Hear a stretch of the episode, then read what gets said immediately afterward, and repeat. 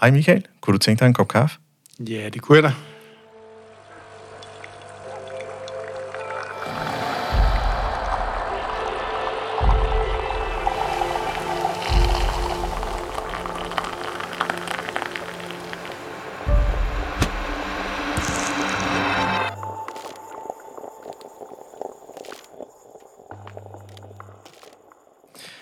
Velkommen til podcastprogrammet Kaffe og Ledelse. Mit navn er Ejhan Gomes, stifter af Mindcloud og er jeres podcastvært.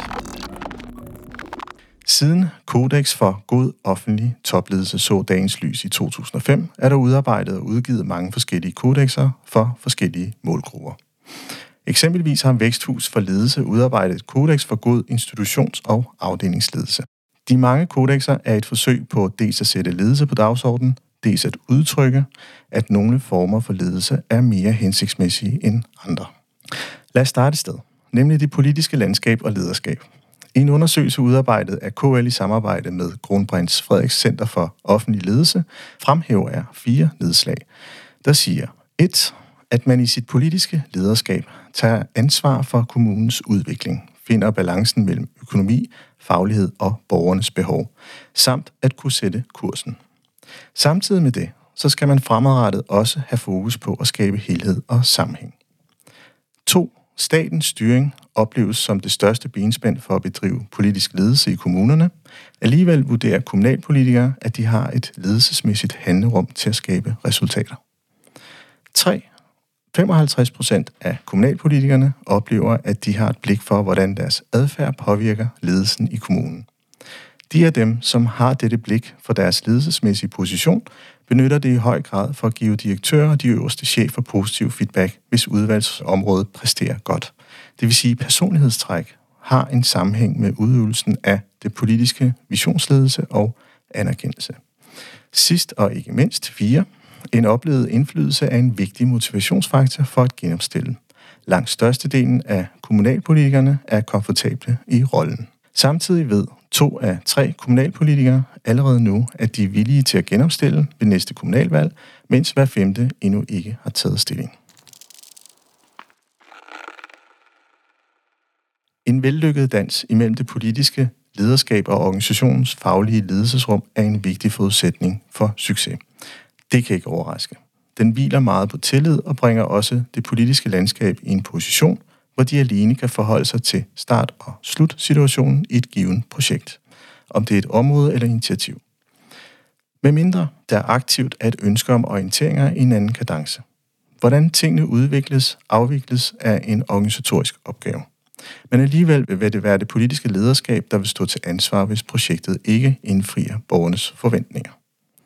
Til dette spændende emne er min gæst, Michael Siler, der er borgmester i Højtostrup Kommune og har været det siden 2006. Det er 16 år. Michael sidder i KL's bestyrelse og er formand for KL's løn- og personaleudvalg og vagte særligt opsigt som chefforhandleren i overenskomstforhandlingerne med Lærerforeningen tilbage i 2013. Og så skal jeg også lige have nævne den her lille fikse bemærkning, øh, som han selv gjorde her i, det var så i 2005, hvor øh, han lovede, at han ville bo i Tostupgård en måneds tid. Velkommen til, Michael. Tak skal du have. ja, jeg kunne ikke lade være. Jeg skulle lige have den sidste med. Det er helt i orden. Det er en del af min historie, og det er noget, folk stadig husker, så det er, det er helt okay. Det er faktisk dem, når man uh, Wikipedia der, så det er det nemmeste sted, man lige kan få nogle hurtigt, så er det faktisk de to, der, der, der fremhæver dig. Og nu kender jeg dig også igennem mange år, så jeg tænker, at der, der er også nogle andre, man godt kunne have peget på, men uh, lad nu det ligge. Ja, man kan sige, det er måske lidt fristende her, fordi Wikipedia kan man jo selv gå ind og rette i, så jeg kunne lidt nu uh, blive inspireret til at gå hjem i aften og tiltøje, til tilføje et par andre punkter, bare ja. sådan for at fuldende billedet, men, men det er nu okay. Jeg skammer mig ikke over nogen af delene. Måske kunne en af dem være podcastgæst i... Uh, nej. ja. Så er vi også hele vejen rundt. ja, ikke? ja, lige præcis. Men øh, Michael, vi, øh, det er jo sådan en, en kaffesamtale-podcast, og i, i den anledning, så har jeg jo inviteret mig selv ind til øh, Højtostrup Rådhus, og øh, vil du ikke prøve at fortælle os, hvilken kaffe vi drikker? Jo, det kan, det kan jeg godt prøve. Det er, jo, øh, det er jo den kaffe, som maskinen her på, øh, på, øh, på gangen her i det, der hedder Byrådcentret, den kan producere. Og det er en, det er en okay kaffe. Altså, det er ikke sådan en helt udbrændt rødhuskaffe. Det er en okay kaffe, men, øh, men, øh, men vi har faktisk noget, der er bedre over på, på mødegangen. Der har vi sådan en, der står og kværner rigtige bønder øh, og kan lave latte af det hele. Men der er også en, en regel om, at, at den kaffemaskine bruger man, når man skal til møder derovre. Så, så du må nøjes med den, der er, øh, og så, så med den, jeg får til daglig her på gangen. Jamen, så tager vi den ikke hårdt prøvede kaffe, filterkaffe. Øh, så må jeg have den anden til gode. Det er en aftale. Ja. Skal vi ikke smage den? Jo, lad os gøre det.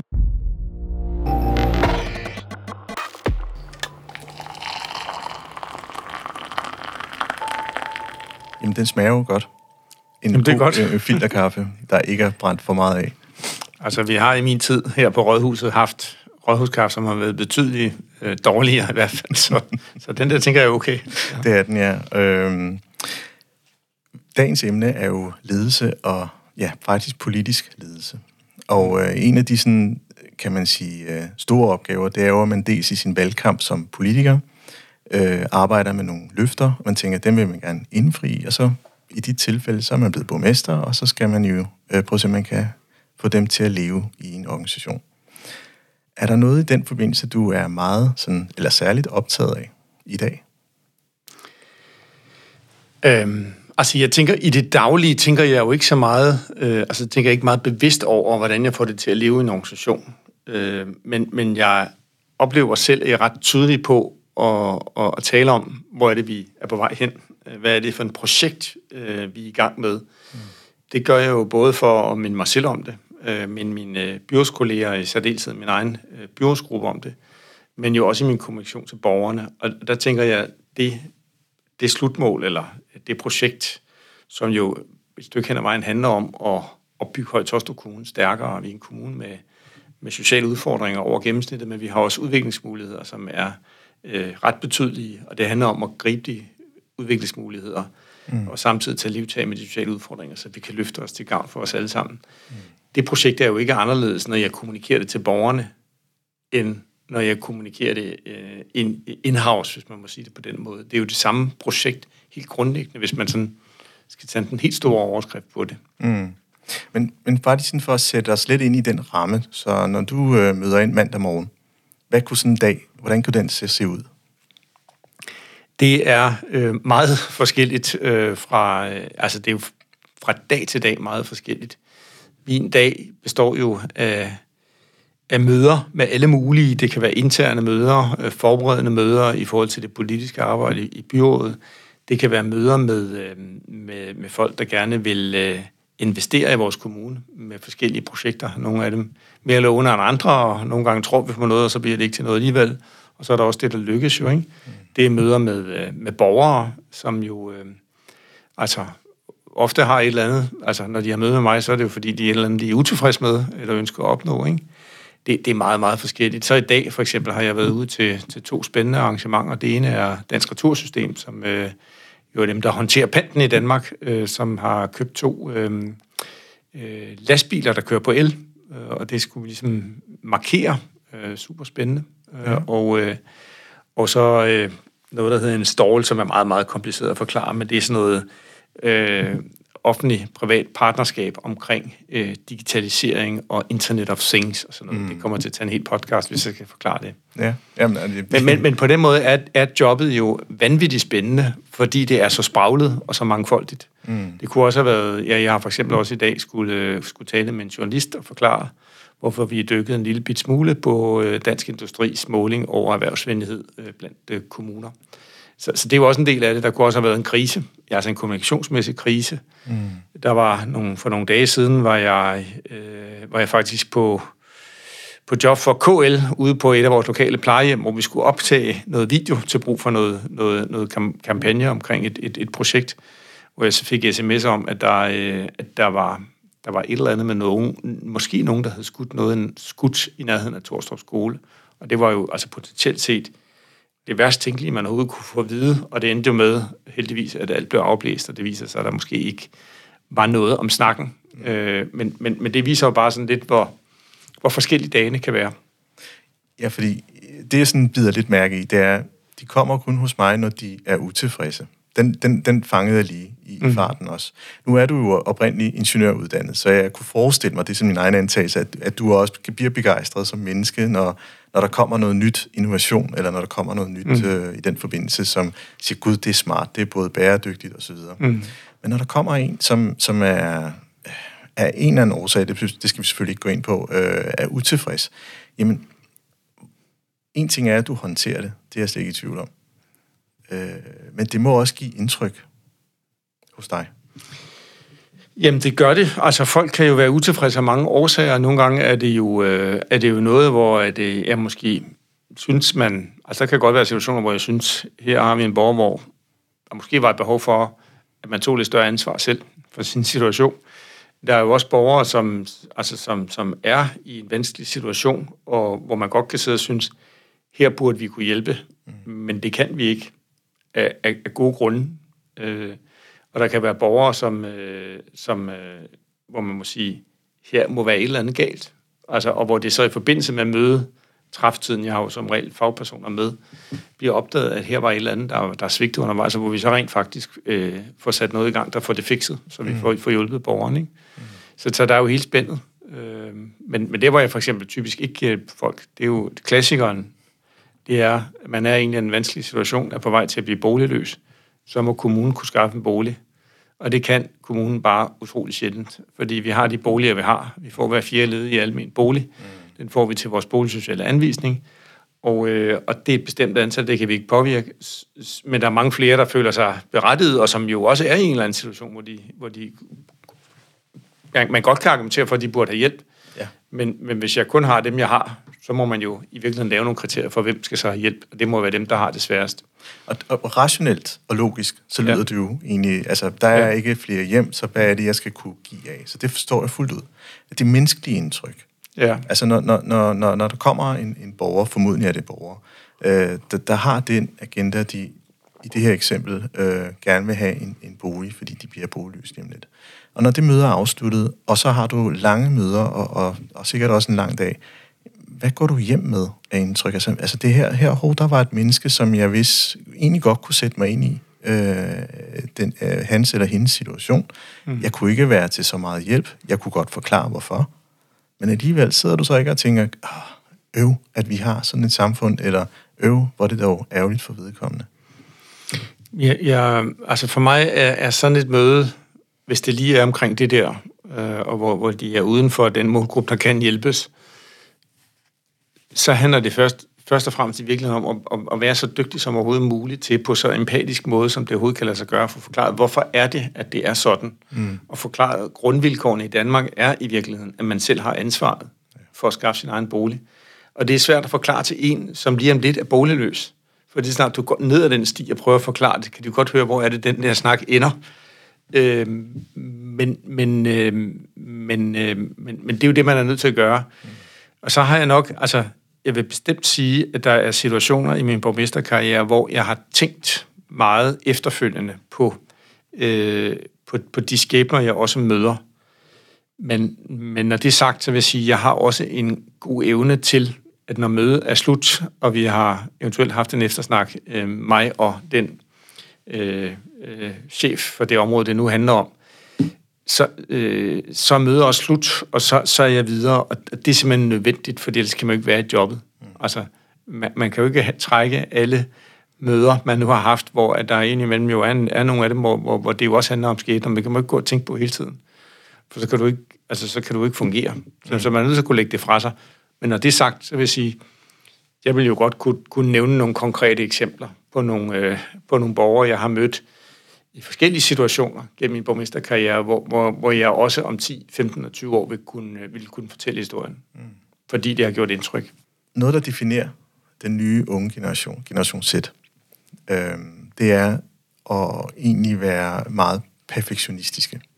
Altså kaste sig ud i det først, når de er næsten 100% klar til opgaven og til at løse det, eller komme med det bud, der eventuelt skal være. Og i den undersøgelse, som jeg egentlig også har øh, så synes jeg ikke, det kun er afspejlet hos de unge. Jeg synes også, jeg ser det blandt ledere, at øh, man kaster sig ikke ud i noget øh, nyt, uden at, at være pænt sikker i sin egen sag. Og, og det gør jo både, at man øh, kan være handlingslammet, fordi man venter til det øjeblik, man er sikker nok, men det kan også, øh, også fordi man også gerne vil have, at det bliver perfekt, så når man afleverer det, så er det, så er det ret godt. Som borgmester, så tænker jeg, og det er min egen antagelse, så vil man jo gerne gøre det godt. Man vil gerne gøre et godt indtryk på både i sin egen organisation, men også til de borgere, man, man er borgmester for. Kan du blive ramt af det? Kan du blive ramt af, at det her det er sådan en 40% løsning? Det er nok nu, men, øh, og fordi omstændighederne er, er, som de er? Eller, eller er du typen, der, der venter, altså indtil vi er, er gode nok til en løsning? Øhm, altså, jeg er ikke, jeg er ikke sådan anlagt, at, at, at jeg venter. Øh, og det, det vil jeg ofte heller ikke kunne lade sig gøre, fordi det er jo forskellige ting, jeg bliver bedt om at medvirke i, eller øh, det kunne være, altså, øh, stille op til. Der, der kan man ikke sige, jeg vil gerne om to måneder. Altså, så ligesom ja eller nej, kan man mm. sige. Ikke? Øh, jeg er ikke, altså jeg er typen, der sådan overvejende siger ja, øh, hvis det ellers skal passe ind i min kalender. Øh, og øh, Øh, hvad hedder det? Mm, altså, jeg er af natur nok en, øh, i mange situationer en hård dommer af mig selv. Øh, jeg ved, det er, og det er især i, i situationer, hvor jeg præsterer over for, for mange mennesker. Øh, det har aftaget med årene, vil jeg sige, øh, og det er godt. Øh, der, hvor det sådan tydeligst kommer til udtryk, og det vil måske overraske mange mennesker, men det er i virkeligheden i sådan tv-optrædener, øh, hvor man er på. Det kan være debatten med ham der, Clemen, frygteligt program. Øh, det kan være deadline, det kan være andre ting, hvor når jeg har været på, og, og udsendelsen er, er afsluttet, så har jeg en iboende tvivl omkring, om det var godt nok. Og så er jeg nødt til at køre hjem og finde det på nettet og se det. Og så vil det, min, min oplevelse meget, meget ofte være, det var sgu egentlig okay. Men, men i situationen og præstationen er overstået, så er jeg usikker på, om det var godt nok. Så jeg har brug for den bekræftelse der. Ikke? Og jeg kan også have det sådan i forbindelse med, med taler for mange mennesker det er det nu aftaget endnu mere, kan man sige. Ikke? Øh, og øh, på et tidspunkt har man jo udfordret sig selv på det så mange gange, at, at man bliver mere og mere komfortabel i rollen. Ikke? Men, men, men jeg har i mig, jeg har i mig det der med, at, at, at jeg nemt kan blive usikker på, om det nu var godt nok. Øh, og, og vil søge en eller anden form for, for bekræftelse. Det er der sikkert en dybde psykologisk i, som man kan analysere sig frem til, men, men, men, men sådan har jeg det. Ja, det er der helt sikkert, men det skal vi ikke tage her. Øh, og, og tak for, for, for den beretning, Michael. Øh, fordi det er jo lidt et eller andet sted i det her podcastprogram, det er jo netop også at prøve at kigge øh, lidt bagved øh, de roller, vi, vi bærer som mennesker. Øh, og og der, der, der ligger jo nogle fantastiske, kan man sige, både uperfekte sider, nogle skrøbeligheder, og med livet, når man finder ud af, jo bedre man er til at pinpoint de her ting og tale om det, så jo, jo mindre farlige bliver det. Øhm, og, og det er også sådan lidt, hvordan man som leder er for en organisation. Altså, hvis man øh, typisk stiller sig op og, og egentlig inviterer til, at det er faktisk okay at, at lave fejl, og nogle gange også, kan man sige, øh, lykønske nogle løsningsmodeller, som ikke fører til noget som helst. Øh, men, men bare tanken om at komme med ideen, skal faktisk fejres, fordi det var en intelligent idé, der opstod på baggrund af en, et behov, men, men, men det, desværre førte det ikke til så mere. Øh, og det er min oplevelse af, at det er organisationer måske ikke så gode til at fejre. At vi er mm. gode til at fejre, kan man sige, skoletalerne, succeserne, når vi har opnået et eller andet. Men nogle gange glemmer faktisk, at øh, lidt ligesom øh, den gode Michael Jordan, der brændte øh, pænt mange kast i, i basketball, men, men vi husker ham kun for, for dem, der, der virkelig flyttede. Øh, Grunden til, at jeg nævner det her, det er faktisk, fordi jeg tænker, det må også være en byrde for en borgmester at sidde, kan man sige, på, på, på topsædet øh, i en organisation med, jeg tror, er I 2500, 2200 medarbejdere? Og, eller... Nej, totalt set i kommunen er vi vel, øh, er vi vel på 4500, vil jeg tro. Er det virkelig det? Ja, ja, okay. ja. Så, og det kan man sige, det er alt, hvad man siger i sin egen organisation internt, skal jo vejes, og hvad betyder det, og, og får jeg nu sagt det på den rigtige måde? For det er jo et eller andet sted, ligesom i, i tv-programmet, du nævnte før, jo også nogle mennesker, som man lige skal tjekke op på, fik, man, fik den, landet den rigtigt ude mm. hos sociomedarbejderen eller, mm. eller i, hos pædagogen. Hvad tænker du, når jeg siger de her ting? Åh, det, det, Ja, hvad tænker jeg, når du siger det? Øhm, det er ikke noget, jeg oplever som, som, som sådan meget svært, eller noget, jeg tænker så meget om i virkeligheden. Altså nu skal man huske på, at i min rolle er der jo, er der jo i virkeligheden også nogle led mellem mig og sociohjælperen, som oftest jo oversætter eller videreformidler det, som, som jeg siger, eller det, som byrådet siger, eller det, som byrådet har besluttet. Øhm, og så er der nogle sammenhænge selvfølgelig, hvor jeg, jeg optræder på slap line, hvor der, hvor der er øh, medarbejdere eller sociohjælpere, eller hvad det nu måtte være, øh, til stede. Men, men, men, men jeg oplever ikke egentlig det, du siger, som... Altså, det er ikke noget, der fylder som sådan. Altså, øh, det tænker jeg faktisk ikke. Men, men det er også okay. Ja. Det kan også blive lidt krøllet. okay, det er okay. men det er også fint.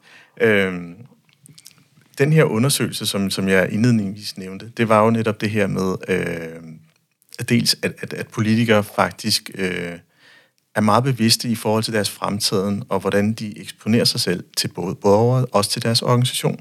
Og, og i den kan man sige, var der var i undersøgelsen peget på, at vi er gode til at, ligesom at anerkende, øh, når et udvalg eller når en organisation egentlig lykkes med deres opgave. Øh, hvordan håndteres så det modsatte? Altså når det ikke går så godt? Ja, altså, øh, der kan man sige, det, det politiske miljø er jo lidt hårdt, og, øh, og det kan jo egentlig være okay et stykke hen ad vejen, når det er mellem os politikere, fordi politik er jo også et magtspil. Altså, det, det må man bare sige, det er det jo også. Øh, som øh, kan have gode sider, men også kan have mindre gode sider, kan man sige afhængig af, hvor meget magtspillet får lov at fylde i diskussionen om, om kommunens udvikling, kan man sige. Ikke? Men, men øhm, jeg oplever egentlig nok, som, øhm, som politiker er vi jo relativt gode til at kritisere, når noget ikke er godt nok. Øhm, det, det ved jeg også, altså, jeg er en hård dommer af mig selv, og, og stiller hårde, store krav til mig selv, og det fører også til, at jeg også indimellem stiller, stiller krav også til, at, at tingene skal leveres rigtigt, eller det, jeg mener, vi har besluttet, det er også det, der skal føres ud, og der kan nogle gange være nogle skæver og sådan noget, som, som, som, som nærmer. Vi er nok ikke vanvittigt gode til i virkeligheden det modsatte, altså at, at rose, øh, når noget er spidsen spidsenklasse godt. Det, det, det tror jeg egentlig, øh, øh, det tror jeg egentlig, man altså, man vil fordel som politiker kunne øve sig noget mere på. Mm. Øh, jeg vil også sige, at jeg godt erindre, øh, at, at altså, jeg tror faktisk, folk synes, jeg er en anerkendende leder, politisk leder. Det tror jeg faktisk, folk synes. Men, øh, men, men det ligger ikke i den, den, den, den politiske natur, måske at være opmærksom på og rose, fordi det er ikke det, der ligger typisk i, i, i, i det politiske spil, kan man sige. Der går det jo ud på det modsatte, det er virkelig en ærgerligt side af politik, som, som måske også gennem årene er blevet mere fremtrædende i særdeleshed, vil jeg så sige, på Christiansborg. At, at, der er det der med at kunne hæve hinanden i samråd og kritisere hinanden og sige, det er løgn og så videre, og tale om, hvad, and, hvad, hvad modstanderen mener mere, end hvad man selv mener. At det er jo blevet for fremtrædende. At det er en stor skade for vores demokrati, efter min bedste overbevisning. Men man burde dyrke den der positive side mere. Fordi der er jo også et eller andet med, det du kaster lys på, det får du mere af. Så det gælder jo egentlig ikke om øh, kun at kaste lys på, når der er noget, der er gået skævt, men i høj grad også kaste lys på, når der er noget, der er, der er, der er rigtig godt. Ikke? Ja, det er sådan en skægskisme, ikke? at, at øh, der på den ene side har du øh, magtspillet, som egentlig er, måske handler noget om strategier, gen, øh, blive genvalgt og markere sin egen politiske overbevisning i hvilken farve man nu engang repræsenterer. Øh, og så kan der være ræson i at øh, hele tiden søge der, hvor det ikke lykkes, hos, det, hos øh, mm. altså agere en meget stærk opposition. Øh, og, så, og så samtidig med egentlig også skal fremstå øh, autentisk. Øh, mm. og, og noget af det, som måske, at øh, det er måske mere nationalt, øh, at, at, at de her undersøgelser med, med tillid til politikerne osv., har jo været dalende i nogle år. Mm. Øh, og, og også må ikke, vi står altså i det politiske landskab, også i, i en form for um, en brydningstid. At vi faktisk kan måske stoppe op og sige, skal vi ikke prøve sammen at løse, om det er den grønne dagsorden, eller hvad det er, fordi det gavner os i sidste ende, og det er egentlig også det, demokratiet vil. Altså, det er nogle store spørgsmål, det er jeg godt klar over. Mm. Øh, og så i mindre grad dyrke det, det, det er sådan mere øh, egennytte maksimerende. Øh, mm. Øh, og, og skulle det ikke, altså de her idealer, som man, øh, altså skulle de ikke mere frem? Altså man, men, men det siddende skulle faktisk være det gode eksempel. Jo, det kunne jeg godt erklære mig enig i. Altså, jeg tror, jeg tror, demokratiet på en eller anden måde er en brydningstid. Øhm, fordi jeg kan, jeg kan jo... Altså, når jeg, det, jeg, jeg synes jo faktisk stadig, at lokaldemokratierne kan noget. Det, det synes jeg faktisk, de kan. Øh, jeg er noget mere skeptisk øh, i forhold til det nationale niveau. Mm. Øh, jeg synes stadig, Danmark er et godt land, og vi har et godt demokrati i Danmark, men, men der, der er nogle ting, der flytter sig. Og, øh, og det er klart, nu har vi fem, er det 15 partier, der er opstillingsberettiget til næste folketingsvalg. Og, og, og, og øh, jeg tror, mange politikere vil du kunne tage i en rum og tale om, omkring de her ting, og, og egentlig få til at være enige i, at, øh, at, at, at vi må kunne sætte os sammen og finde ud af tingene. Det må være det, det handler om. Men, men i bund og grund, så i mange situationer vil partier jo dybest set agere på den måde, som, som, som først og fremmest tjener dem selv. Mm. Øh, helst ud fra et højere mål om at få derigennem på så meget indflydelse, at man kan øh, få gennemført det, som man ultimativt er gået ind i politik for. Men, men, men, men øh, jeg synes, at øh, jeg synes, vores demokrati er udfordret. Jeg synes, når vi har, altså 15 partier er alt for meget, fordi 15 partier fører jo til, at, at, at alt andet lige, det kan jo ikke undgå at blive til andet, end at, at hver af de der 15 partier finder ud af, hvad er min niche, ja. og, og, og, og forfølger den. Og det bliver jo en vælgergruppe, man forfølger. Og det går jo ud over, altså det går jo ud over helheden. Altså, der bliver jo mindre og mindre plads til helheden, når man så meget bevidst øh, jagter øh, det. Altså, nu kan man tage det med, tage som eksempel de her såkaldte velfærdsaftaler, altså det her med, at alle kommuner skal nu være en del af et frihedsforsøg på en af, af områderne, øh, beskæftigelse, øh, skole, daginstitution eller, eller ældre. Og der er jo så i Folketinget en, en proces med ligesom at få fastsat hjørneflagene, altså øh, hvad er begrænsningen for, for friheden, ikke? Og, og det, der er mit indtryk, øh, det er, at, øh, at, at meget hurtigt, så kommer de forskellige partier jo med, med deres egne hassaner, altså det, som, som, øh, som de jo så mener skal være hjørneflagen, altså begrænsningerne for friheden, mm. som jo er måske er det, der de har fået igennem på et eller andet tidspunkt i lovgivningen, og så er vi hurtigt tilbage til, at der ikke bliver så meget frihed, hvis du forstår, hvad jeg mener. Ja, ja. Altså, jeg, jeg synes... Øh, jeg, jeg synes også, der er en... Øh, jeg synes også, der er en tendens til, at, at landspolitik er blevet for meget symboler. Mm. Altså for meget at foregive og ville ud af en bestemt vej, mere end det er blevet substans og indhold. Altså, det altså sådan mainstream? Øh... Ja, nej, men mere og... og, og øh, øh, skal jeg forklare det her? Mere at, at, at øh, fortalt i en eller anden retning, som nu passer med den niche af vælger, man, man, man, man nu går efter. Øh, måske mere end i virkeligheden ultimativt at få gennemført noget, der går i den retning, hvis du forstår, hvad. Mm, mm. Hvad jeg mener ikke? Øh, så, så altså, jeg synes ikke... Øh, jeg, jeg synes i hvert fald, at der er noget af det her, der kommer, øh, der også er en strømning af strømninger, der kommer fra udlandet og så videre, og USA er jo virkelig et dårligt sted, øh, demokrati. Ikke? De har dog så ikke, øh, de har dog så kun to partier, det har så deres ulemper, kan man sige, ikke? Men, men jeg synes ikke, at vi er, vi er super godt kørende. Det synes jeg ikke, og jeg synes heller ikke, at det er op, de optræk, vi ser lige nu øh, til, en, til en folketingsvalgkamp, de lover, øh, det lover en super god valgkamp. Det synes jeg faktisk ikke, fordi det igen bliver noget med at sidde og diskutere øh, øh, skræmmetal for hinandens politik, eller, eller øh, altså, det, det bliver jo ikke de der store visioner for Danmark, man, man diskuterer. Vel? Ja, hvorvidt om, om, om økonomien passer hos det andet parti, og så videre, ja, så videre ja, som, som vi også hørte her ja. forleden dag. Men for eksempel så øh, har der jo været den her artikel her, som jeg lige fandt frem. Øh, der er noget, der hedder Forrådelse, som øh, Dorte Birkmose har skrevet en bog om. Øh, og hun taler det her med, at vi skal kunne ture og tale om politisk forrådelse. det her med, at vi, vi nikker anerkendende, mens det sker, men inderst inde, så ved vi godt, at vi er på et vildspor på vej mod en, en afgrund. Og mm. på et eller andet tidspunkt, så bliver, så bliver, det, så bliver der fald.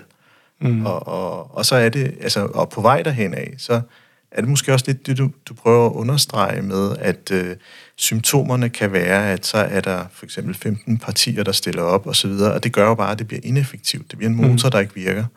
Og, og deraf kan man sige, at demokratiet er under pres. Mm.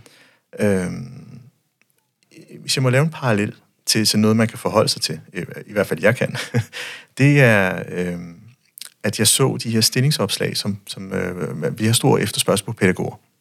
Og, og den her daginstitution lykkedes ikke mere at få en eneste ansøgning. Mm. Så de vendte den på hovedet.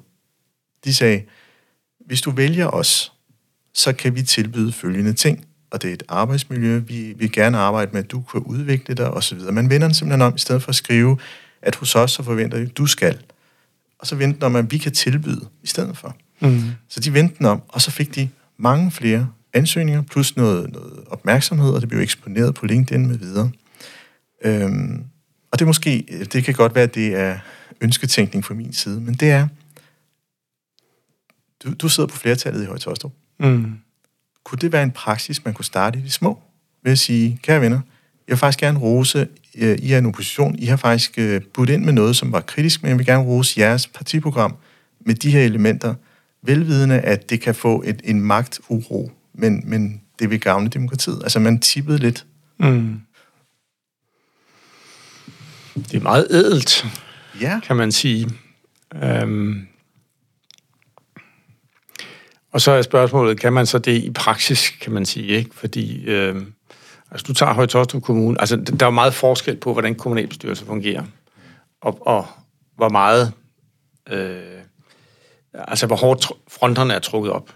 Øh, vi har haft perioder, øh, mens jeg har været borgmester, hvor, hvor, hvor vi egentlig har været ret godt kørende, vil jeg sige, i forhold til gensidigt at kunne lide hinanden, gensidigt at kunne finde ud af det, god stemning. Øh, selvfølgelig en diskussion, diskussion omkring det, vi er uenige om. Det skal der være et demokrati.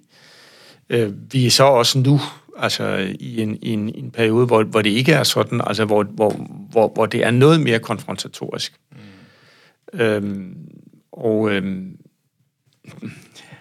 det, jeg, jeg, har, jeg, jeg tænker faktisk over, hvordan kan jeg bryde den dynamik? Men, men jeg har, kan ikke finde vejen til det. Og, og det har jo også noget at gøre med, altså, der skal to til tango, ikke? Altså, øhm, og, og der ligger jo også nogle grundlæggende øhm, strategiske analyser bag, hvordan partier agerer over for hinanden. Altså, jeg ved jo også godt, når man er opposition, jeg har selv prøvet det i 16 år, at, at så vil, er, er der jo også et ønske om at fremme konf- konfrontationen, fordi det er ikke konfrontationen, at man kan vise forskellen på dem, der har flertallet, og dem, der ikke har det. Mm. Øh,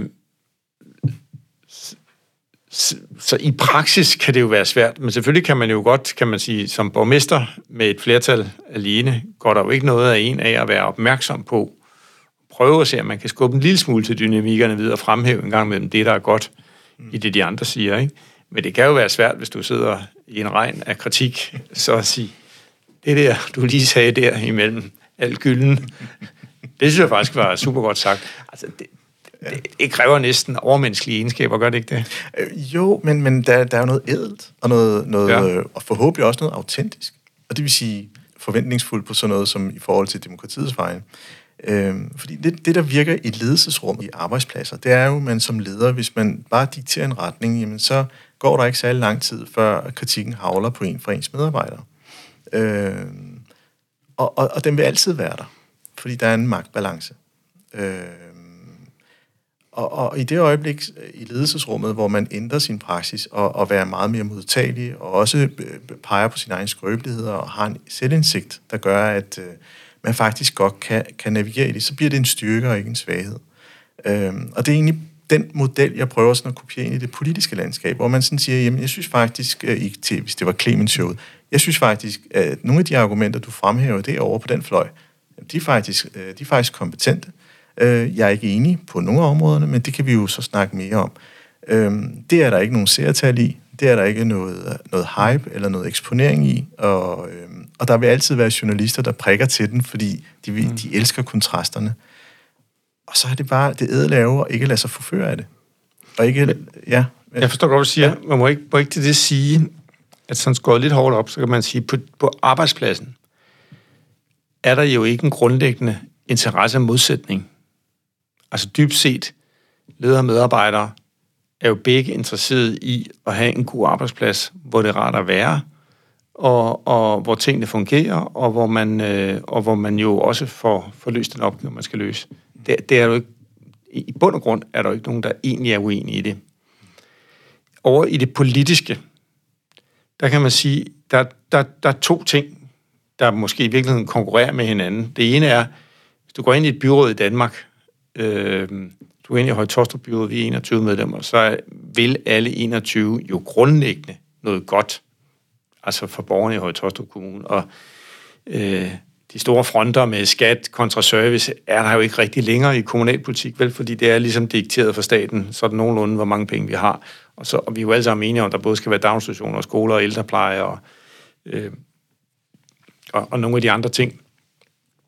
Så et stykke hen ad vejen kunne man jo godt sige, jamen der er jo ikke en interesse der er jo ikke en interessemodsætning, kan vi ikke snakke om tingene øh, og, og få det til at fungere godt nok. Og sådan fungerer det også nogle steder. Men ved siden af det er der jo noget, der er, hvor der er en interessemodsætning. Og det er jo magtspillet. Mm. Altså, der, øh, øh, altså de sidste, øh, hvad bliver det? Ja, jeg har været medlem af byrådet 32 år, i Høje Tostrup, 32,5 år. der har der jo, øh, i, og, og, og det er måske er det mere udbredt i Høje Tostrup end i andre kommuner, fordi vi gennem mange år jo har været en svingkommune, altså en kommune, hvor der ved valgene, kunne, kunne, hvor det kunne falde ud begge veje. Og der er en interessemodsætning, som går på, hvem skal være borgmester, mm. øh, hvem skal have flertallet. Ikke? Det er jo en interessemodsætning. Der kan du ikke, det kan vi ligesom ikke forhandle ud, øh, forhandle væk. Og den ligger der jo latent under alt, hvad du laver. Og det er der, hvor du ikke kan overføre det fra den arbejdsplads ind i det politiske liv. Fordi ude på arbejdspladsen, på arbejdspladsen behøves der ikke at være sådan en latent interessemodsætning. Og hvis der gør på et eller andet plan, så er det jo noget, der kan fikses. Mm. Men det kan du ikke på den politiske bane. Du kan jo ikke, og det vil jo heller ikke være sundt, hvis man ligesom fjernede det der konkurrence om magten. Mm.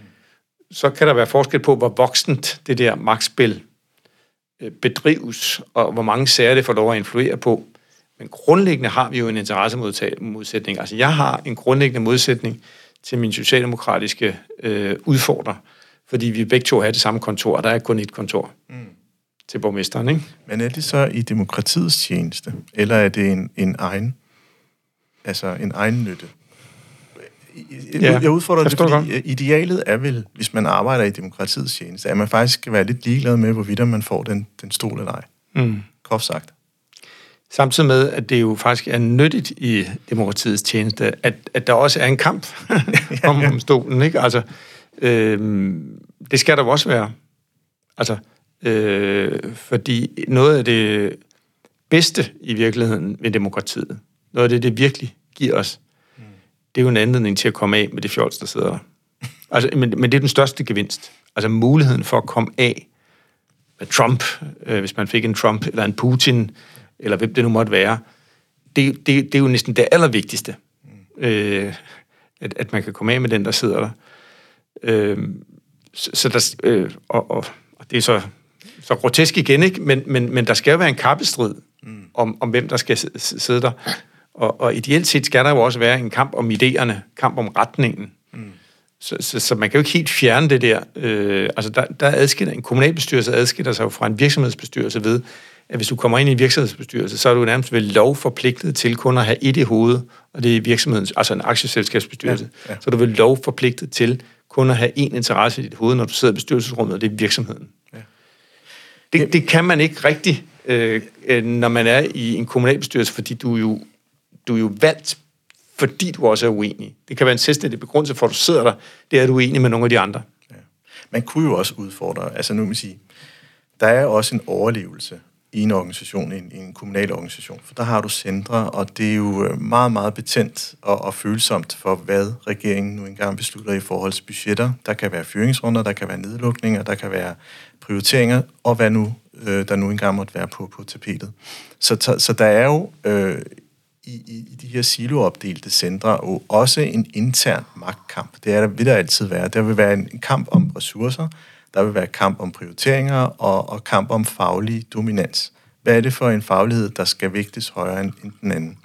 Øh, så, så det er ikke helt det samme som det politiske, men det lever også der.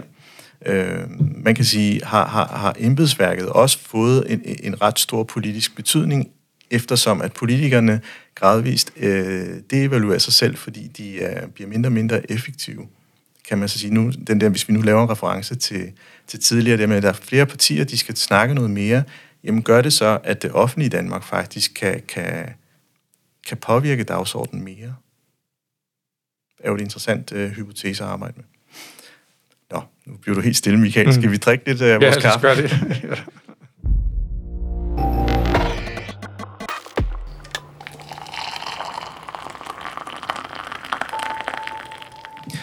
Jamen, vi får jo næsten ikke drukket noget, noget kaffe, når, når samtalen er så interessant, Michael. Øh, men øh, sådan prøver at, at... Jeg anholder lige det her øh, med konkurrenceparametret for at, at have en eller anden form for drive til at, sådan at kæmpe om en, en taburet eller en, en magtposition, øh, så man kan leve sine politiske ambitioner mm. øh, ud i livet. Øh, øh, nogle af de undersøgelser, som man ligesom definerer den nye generation X, øh, Z, undskyld, Z hedder de, det er netop, at de ikke ser sig selv i, at, at man laver en strategi, som betyder, at vi skal øge produktionstallene med 20 procent. Fordi de har et blik for klima, de har et blik for planeten, øh, og, og de kan ikke se sig selv blive genkendt i det. Øh, og, og hvis man sådan drager det over i det politiske liv, så kunne jeg have en hypotese om, at de måske heller ikke så sig selv politisk repræsenteret. Og, og, og ikke så sig selv politisk repræsenteret, fordi? Fordi at, at mere at noget, som ikke virker, er ikke nødvendigvis bedre. At vi måske skal, brydningstiden er, at vi skal retænke det på, på en fundamental plan, og måske er vi, det etablerende, ikke tør slippe det. Ja, du sætter mig lidt skak med her, ikke? Fordi... Øh, altså, jeg, jeg, forstår, jeg forstår godt noget af det, du siger. Fordi de unge øh, har jo nogle andre prioriteter. De er for eksempel meget mere optaget af klimaet. Det, det, det er vi andre nu også, men altså, det er mere tydeligt. Øh, de er optaget af klimaet. Men, men men de unge er vel også interesserede i, hvad er det for en retning, vi skal gå. Altså den grundlæggende handler politik jo om, hvad er det for en retning, vi skal gå. Og, og, og det kan, vil jeg være bekymret over, at, at det ikke appellerer til unge. Der kan være en, det kan være nogle nye retninger, der fylder. Men grundlæggende er det der med, øh, hvilken, hvilken vej skal vi gå, vel, vel interessant uanset generation. Ellers, ellers er vi nødt til at gøre det interessant. Fordi det er jo det, der er hele purpose med, med demokratiet, det er jo at have en samtale om, hvad, hvad vej er det, vi skal. Ja, altså et godt eksempel, det var, øh, jeg tror det var i Nyborg, eller så et eller andet sted på Fyn, at det var en 5. eller 6. klasse, øh, og det var to piger, som havde opfundet den runde pizzabakke, fordi de ville spare 20 procent af emballagen, for de forstod ikke, hvorfor altså boksen, der har pizzaen, er mm. firkantet, mens pizzaen er rund. det var også et godt spørgsmål. så og man siger, og det fik de lov til, og, og, og man siger, det der også definerer den unge generation, det er, at de tør ikke at stille forslaget, fordi de har ikke selvtilliden nok til det. Fordi, og, og hvis man drager det over i, i, i, i, på arbejdspladser eller i den politiske dagsorden, så kan de godt fremstå meget skrøbelige og forsigtige i deres måde at tale på, fordi det, de repræsenterer, er nogle undringer på noget, som egentlig udfordrer det etablerede. Øh, I sådan en grad, sådan så at den, der lytter til det, tænker, åh oh, nej, nu er jeg under attack, jeg bliver nødt til at navigere mm. mig væk fra det her. Øh, og det fede ved de her sådan, to piger, det var faktisk, at uh, i Facebook på kommentartråden, så var der faktisk et pizzeria, der skrev, jeg vil gerne bestille 1000 mm. prompte. Men, øh, og, og der er sikkert nogen, der siger, at at lave en rund boks, det er faktisk ret dyrt, øh, og så videre. Mm. Og, og det er jo den der med, hvad er det, vi jagter her? Er det at spare, og det er den økonomiske dagsorden, der skal være den førende, eller den meningsskabende dagsorden? Og, og, og de to er jo i, i, i hård, hård konkurrence med hinanden, fordi meningsskabende kan jo godt være dyrere, end hvis man gjorde det økonomiske. Mm. Øh, det jeg egentlig appellerer for her, det er også, hvorfor er det, vi ikke har den dagsorden? Hvorfor er det, vi ikke taler om de her ting? Måden og formen, vi begår politik på. Altså, vi bedriver politik, hedder det. Altså, stop op og sige, formen nu er faktisk, at vi, skal, vi har nogle idealer med et menneskesyn, der bærer os, øh, og det er jo repræsenteret i, i alle partier. De har hver forskellige måder at tænke på. Øh, at det lever lidt mere, end man anfægter hinandens negative, øh, undskyld, øh, øh, hvad kan man sige, mm. dårligdomme. Altså, det, det, det bliver en lille smule langhåret her. Ja. Øh, fordi du siger flere ting her. Øh, det ene, du siger, det er, at de unge er med tilbageholdende i virkeligheden. Ikke? Ja. Jeg, har jo, jeg har jo faktisk den modsatte oplevelse. Altså gennem årene øh, oplever jeg vel, har jeg vel oplevet, at unge er mere og mere uimponeret, når de kommer ind i noget. Altså jeg har jo kunnet se det, når vi får unge ind i byrådet. Jeg var jo selv meget forsigtig, da jeg, jeg har, jo, jeg har jo siddet i byrådet altid jo. 21 år var jeg, da jeg kom ind, ikke? Og, øh, og vel næsten grænsen af krøbet vel lidt langs gulvpanelerne, og så må jeg i hvert fald grundigt om, før jeg hævede rysten, ikke? Altså, det, det er long gone. Altså, øh, det der med at komme ind der lige er respekt for, at øh, det kan være den måde, det fungerer på, at der er, en, der er nogen, der har været her før mig. Det kan være, at det er, der er en super god grund til det. Skal jeg lige kigge mig omkring, inden jeg lige siger, at det hele skal revolutioneres? Øh, der, der synes jeg, at, at, at altså på sin vis forfriskende nok, at, at unge er meget mere uimponerede og meget mere klar til at, øh, at øh, ligesom sige, at det skal være på en anden måde. Altså, der har jeg faktisk en anden oplevelse, men det var bare en af, step, en af de ting, du nævnte undervejs. Ja. I det, der så i virkeligheden måske var det mere interessante, det med, med, med formål, purpose kontra økonomi. Fordi skal vi blive ved med at producere 20 procent i en eller Nu er det bare, nu en mm. virksomhed, det er sådan et klassisk mm. eksempel. Vi laver 20 procent mere, øh, og vi, det vil sige, at vi ansætter flere folk, øh, vi forurener mere, mm. øh, vi, vi kan også sælge det billigere, hvis vi laver flere genstande af den samme ting. Mm. Det, det appellerer ikke til unge. De vil Nej. sige, det, det er der ikke mening i. Altså mere af det der consumer noget. Nej, tak. Det har du ret i. Øhm, det, det tror, der tror jeg, du har en, en, en pointe nu. Det er jo altså ikke alt produktion, der er dårlig produktion. Øh, og, og der sker jo også noget i, i hvor ren er det, det, det vi producerer. Ja. Og, og, øh, og man skal forstå, økonomi øh, bliver jo tit sådan noget mindre fint noget, ikke? Men økonomi handler jo i virkeligheden altså om, om, om nytte. Øh, noget er noget værd, hvis det tillægges nytteværdi af nogle andre. Og hvis nyttebegrebet flytter sig, så flytter økonomi i virkeligheden med, kan man sige. Mm. Så økonomi er ikke, er, er ikke nødvendigvis sådan noget kulsort noget, der bare er noget skidt. Øh, det er jo en måde, det er en, en organisationsform. En skidesmart, undskyld udtrykket. Ja, det, det, øh, det er en smart måde, vi organiserer vores samfund på, fordi så kan vi arbejdsfordele og, og alt muligt andet, og, og det er egentlig effektivt, og vi har også brug for at være effektive. Vi har også brug for at være effektive, hvis vi skal lykkes med, øh, øh, Øh, redde, redde jordkloden for, for klimaforandringen, så skal vi da have fundet på nogle effektive løsninger til at producere noget grønt energi og, øh, og, og, og noget innovation og alt muligt andet. Og hvis vi skal producere alle de vindmøller, som jeg tror er en del af løsningen, så skal de formentlig også produceres effektivt for overhovedet og, og, og, og, og, og, og, ja, og, og, og kunne afsættes osv. Ikke? Så det at have noget effektiv produktion er, er jo ikke skidt. Jeg tror, jeg tænker, jeg lige nu tænker jeg måske heller ikke nødvendigvis, at fødevareproduktion er skidt, vel? Altså, hvor vi har problemer med Ukraine og øh, en krise med, at der ikke er, er, er fødevare nok. Mm. Øh, vi klarer os nok her i Danmark, selvom det er blevet lidt dyrere. Der, jeg skal lige sige, der er andre steder i verden, hvor at det rammer betydeligt hårdere. Men jeg er enig med dig i, at der sker hos de unge en ændring af opfattelsen, som jo er utrolig gavnlig. Mm. Øh, og jeg ser det hos... Øh, jeg ser det hos min, min kærestes tre børn. Jeg har en vidunderlig kæreste med, øh, med tre børn på henholdsvis 13, 16 øh, og 18 år. Og øh, jeg skal lige sige, der er jo nærmest ikke en weekend, hvor at øh, de ikke skal en tur forbi generen, som de kalder det. Og det er genbrugsbutikken, eller genbrugsmarkedet, oh, ja, eller øh, øh, hvor det nu er. Øh, man kan købe noget genbrugstøj. Øh, og jeg må lige så blankt erkende her, jeg har aldrig købt et stykke brugt tøj. Jeg kommer formentlig heller aldrig til det. Det er dybt indprintet i mig, at, at noget, jeg skal bære helt ind på min krop, det er sådan nærmest halvintimt på en eller anden måde. Så det vil jeg gerne have af nyt. Det er jo en forkert måde at se det på. Det er sådan, jeg er. Men jeg synes faktisk, at det er herligt at se de unge mennesker, at, øh, at øh, altså, det er jo overvejende, det meste af deres tøj, det er genbrugstøj, det kører de, det er nogen, noget andre, nogle andre har gået med. Mm. Altså, det mindset-skifte der er jo utrolig øh, godt, øh, og øh, tror jeg godt for vores, for vores jordklode, ikke? Mm.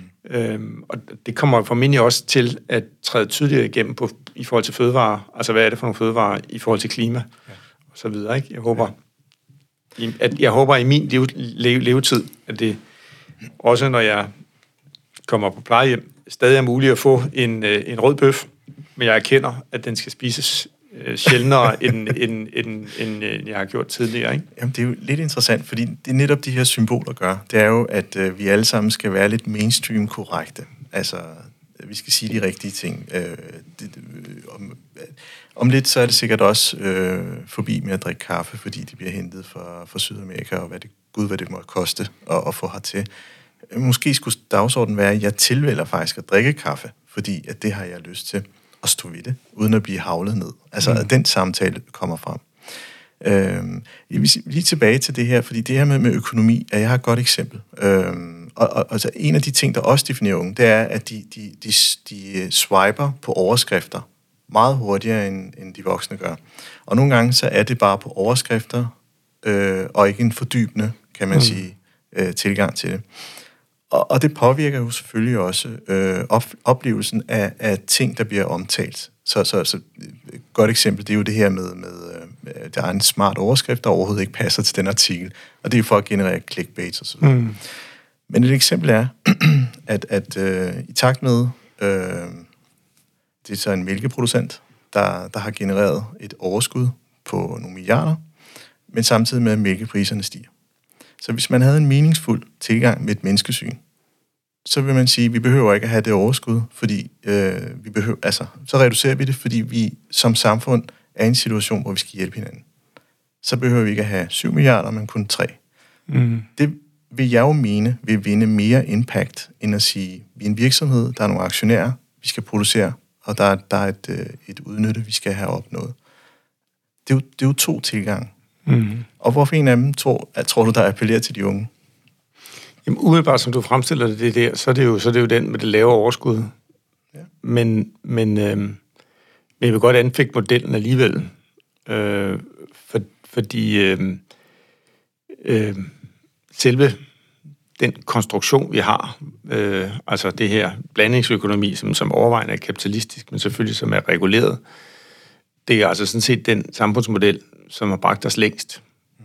Som, øh, altså jeg tror, hvis man sammenligner den model med øh, kommunistiske lande, som vel har været det, undskyld udtrykket, det lysende, i citationstegn, modstykke, så er der ikke ret mange punkter, at øh, det kommunistiske system vinder på, hverken i forhold til at levere det, som øh, folk har brug for, eller i forhold til at, at tænke på arbejdsmiljø, eller i forhold til at tænke på miljø.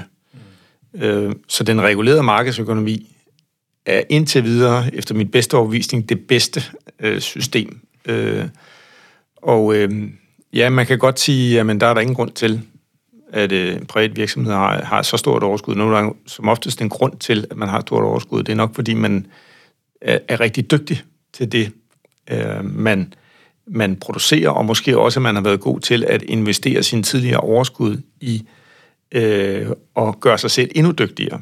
Det er ikke skidt for samfundet det er ikke skidt for samfundet, der er virksomheder, der, der genererer et overskud. Som pensionsopsparer, som jeg håber, de fleste mennesker jo er, det er jo blevet i hvert fald ret mainstream med arbejdsmarkedspensioner, så har vi også en interesse i, at, øh, at det, vi skyder ind på en pension, at det rent faktisk kan blive forandret. Mm. Sådan at den dag, vi går på pension, så er der noget, vi kan leve af. Og, og her kommer så bare lige nyhedsbreak, ikke? Øh, det kommer ikke af ingenting det kommer jo af, at dine, øh, dine pensionsmidler bliver investeret i selskaber, som genererer et overskud, og som selvfølgelig har et, et mål med, at det overskud skal være så stort som muligt. Så vi kan godt lave et latteglade samfund, hvor vi siger, at virksomheder skal ikke øh, øh, generere overskud, eller behøves ikke at generere, generere ret stort overskud. Det har nogle konsekvenser øh, i forhold til, at de i virksomheder kan investere, reinvestere øh, og give et afkast til deres aktionærer, som jo for eksempel kunne være pensionskunderne Ja, fordi, altså, og jeg kan komme til at fremstå som netop den meget, meget knaldrøde person øh, i, i, i vores øh, drøftelser. Jeg kan jo tydeligt mærke, at og det er netop det her, det er jo ikke en, en, øh, en podcast, der er debatteret politisk, så det skal jeg lige ja. understrege. Øh, en ting, der gjorde mig glad, det var jo, at øh, der var en, jeg tror det er en juiceproducent, der, der har brugt øh, plastikflasker til at putte deres juice i, og i deres etiket på bagsiden, der skriver de så, vi er 50 procent derhenne i forhold til at lave noget øh, nedbrydeligt plastik. Mm. De er ikke i mål. De er bare delvis, altså, de er mm. på vej. Men den information gjorde mig glad. Ja. Det vil sige, at jeg fik en eller anden form for tilknytning til det produkt, for jeg tænkte, mm. det, det, det understreger en eller anden form for følelse af noget, som jeg kan genkende. Og det er lidt ligesom den samme følelse, jeg har, når jeg tænker på, på min skolelærer for folkeskoletiden, eller i det hele taget mennesker, så er det ikke det pensum, de har præsenteret, men så er det de her små ting, mm. de, der, der indikerer, det kan være tonefald, det kan være tøjstil, det kan være en ting, de har sagt, øh, som man aldrig glemmer. Mm. Øh, og, og betydningen af det, synes jeg ikke, man skal negligere. Øh, det har, jeg ved, reklamebyråerne bruger det jo i, mm. for at skabe den rette følelse, og også når du går ind i en bank, eller man kan sagtens kapitalisere det, det har man gjort i mange år. Og, og hvor jeg vil hen med det her, det er jo om, om om de to skismer, som arbejder mod hinanden og ikke med hinanden, om det er både på den ene side af måden, vi tænker kapitalisme, og på den anden side, vi tænker demokrati, om det har nået en brydningstid. At de faktisk ikke samarbejder mere. Men, men, men, men jeg tænker ikke, der er den modsætning. Nej. Altså, når, når den plastikflaske producent skriver det, altså det, det, det gør det også mig glad. Mm. Jeg synes, det er en kæmpe problem, vi har med, med alt det der plast. Og jeg, jeg har fået en, en, en chokerende aha-oplevelse af, og, og efter vi har fået øh, det her øh, kildesortering, øh, altså med de mange fraktioner, øh, det er simpelthen chokeret mig, hvor meget plastikaffald jeg har. Altså, det skræmmer mig helt vildt, hvor, hvor, hvor er det forfærdeligt, så meget plastik vi bruger, øh, som jo havner alt muligt steder nu. Det, der vi har puttet min plastband, det rører jo et godt sted hen, øh, så, så det er jo så godt nok. Men, men, men når den plastikflaske producent går den vej, så er det jo, øh, så det er jo en, det er jo en, der er jo en vekselvirkning her mellem markedet og, og, øh, og, og demokratiet, og hvad ønsker vi, og purpose og alt muligt andet.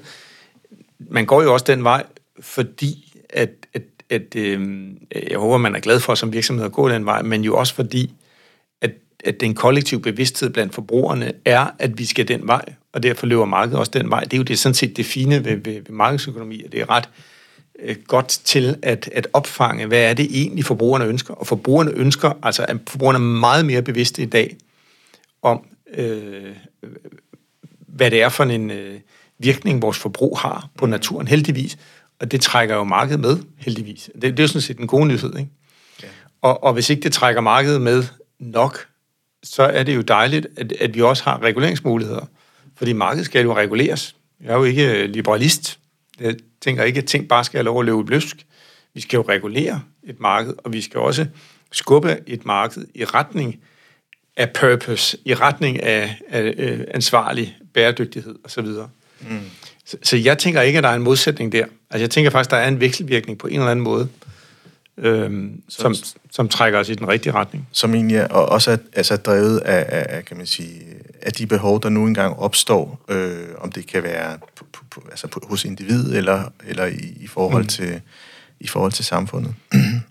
Fordi det, det som, som egentlig måske udfordrer, øh, og som jeg må kredse omkring, og det er ikke fordi, vi skal enten i dag, men det er i hvert fald noget af det, jeg selv tænker, det er, i det her med, hvornår er noget egennyttemaksimerende for en virksomhed, hvor det egentlig handler om, at vi træder den sti, der gør, at vi kan få maks ud af situationen. Er det det, der er det førende? Eller om det er det meningsskabende, hvor det hedder, jamen, men, men altså gutter, vi behøver ikke at gå derover. Vi har, hvad vi skal have. Øh, det er også det, vi sådan politisk prøver at sende ud til alle, Jamen, mm. lad nu være med, altså nu med strømpriserne i øjeblikket, som er mm. fuldstændig eksploderet, at vi skal prøve at beherske os en lille smule. Mm. Øh, min far er jo altså altid sagt til mig, hvorfor skal du have en ny telefon? Du har jo en, der virker. Altså, mm. er vi over i sådan noget, hvor, hvor det ikke handler om noget politisk farve noget, men det egentlig mm. handler om, at vi skal prøve at passe på det, vi har. Altså, det er måske det, jeg sådan egentlig prøver at, at, at sondre omkring, og så, kan jeg, så ved mm. jeg godt, at jeg falder i jeg tror, jeg falder i de her sådan, øh, små siloer, der hedder kapitalisme, økonomimodel og så videre. Ja, ja. Øhm. Men, men, men, men jeg er jo i, altså jeg er set enig, grundlæggende enig med dig i, at, øh, at, at der sker noget. Der sker noget, i, som trækker, altså hvor vi går væk fra den der forbrugs, undskyld, øh, hvor vi går væk fra den der forbrugerkultur og i retning af noget, som er mere ansvarligt. Det, det synes jeg faktisk, øh, man, at, at, at man kan se, og det er jo utrolig godt, øh, at, at, at det sker. Ikke? Øh, så det er sådan set enig i. Skal vi tage den øh, sidste, slurk, inden vi øh, runder af? Ja, ja.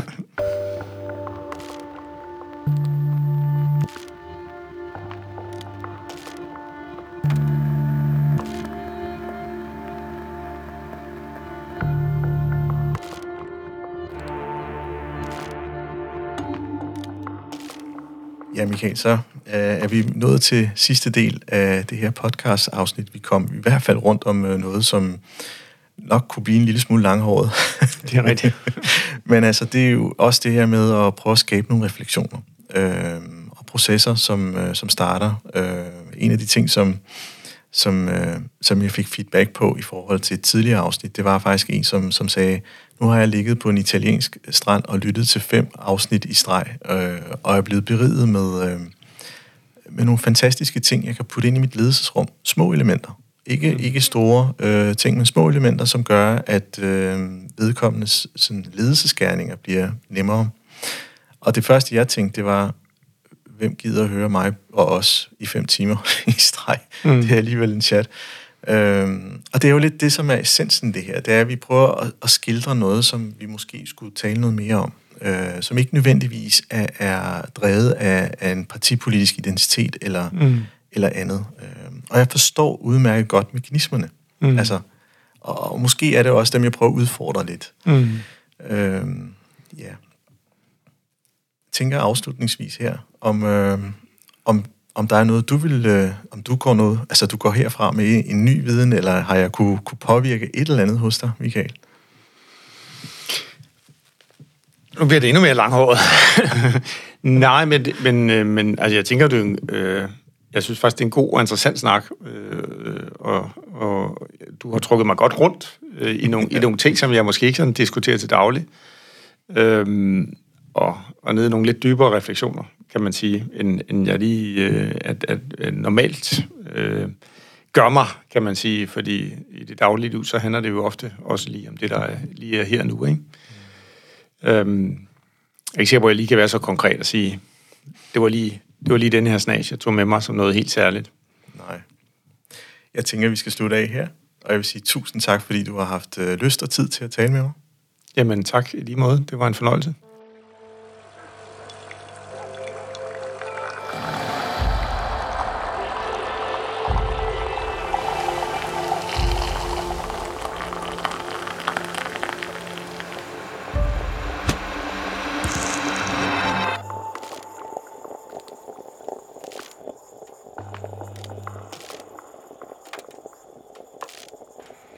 Lyttet til podcastprogrammet Kaffe og Ledelse.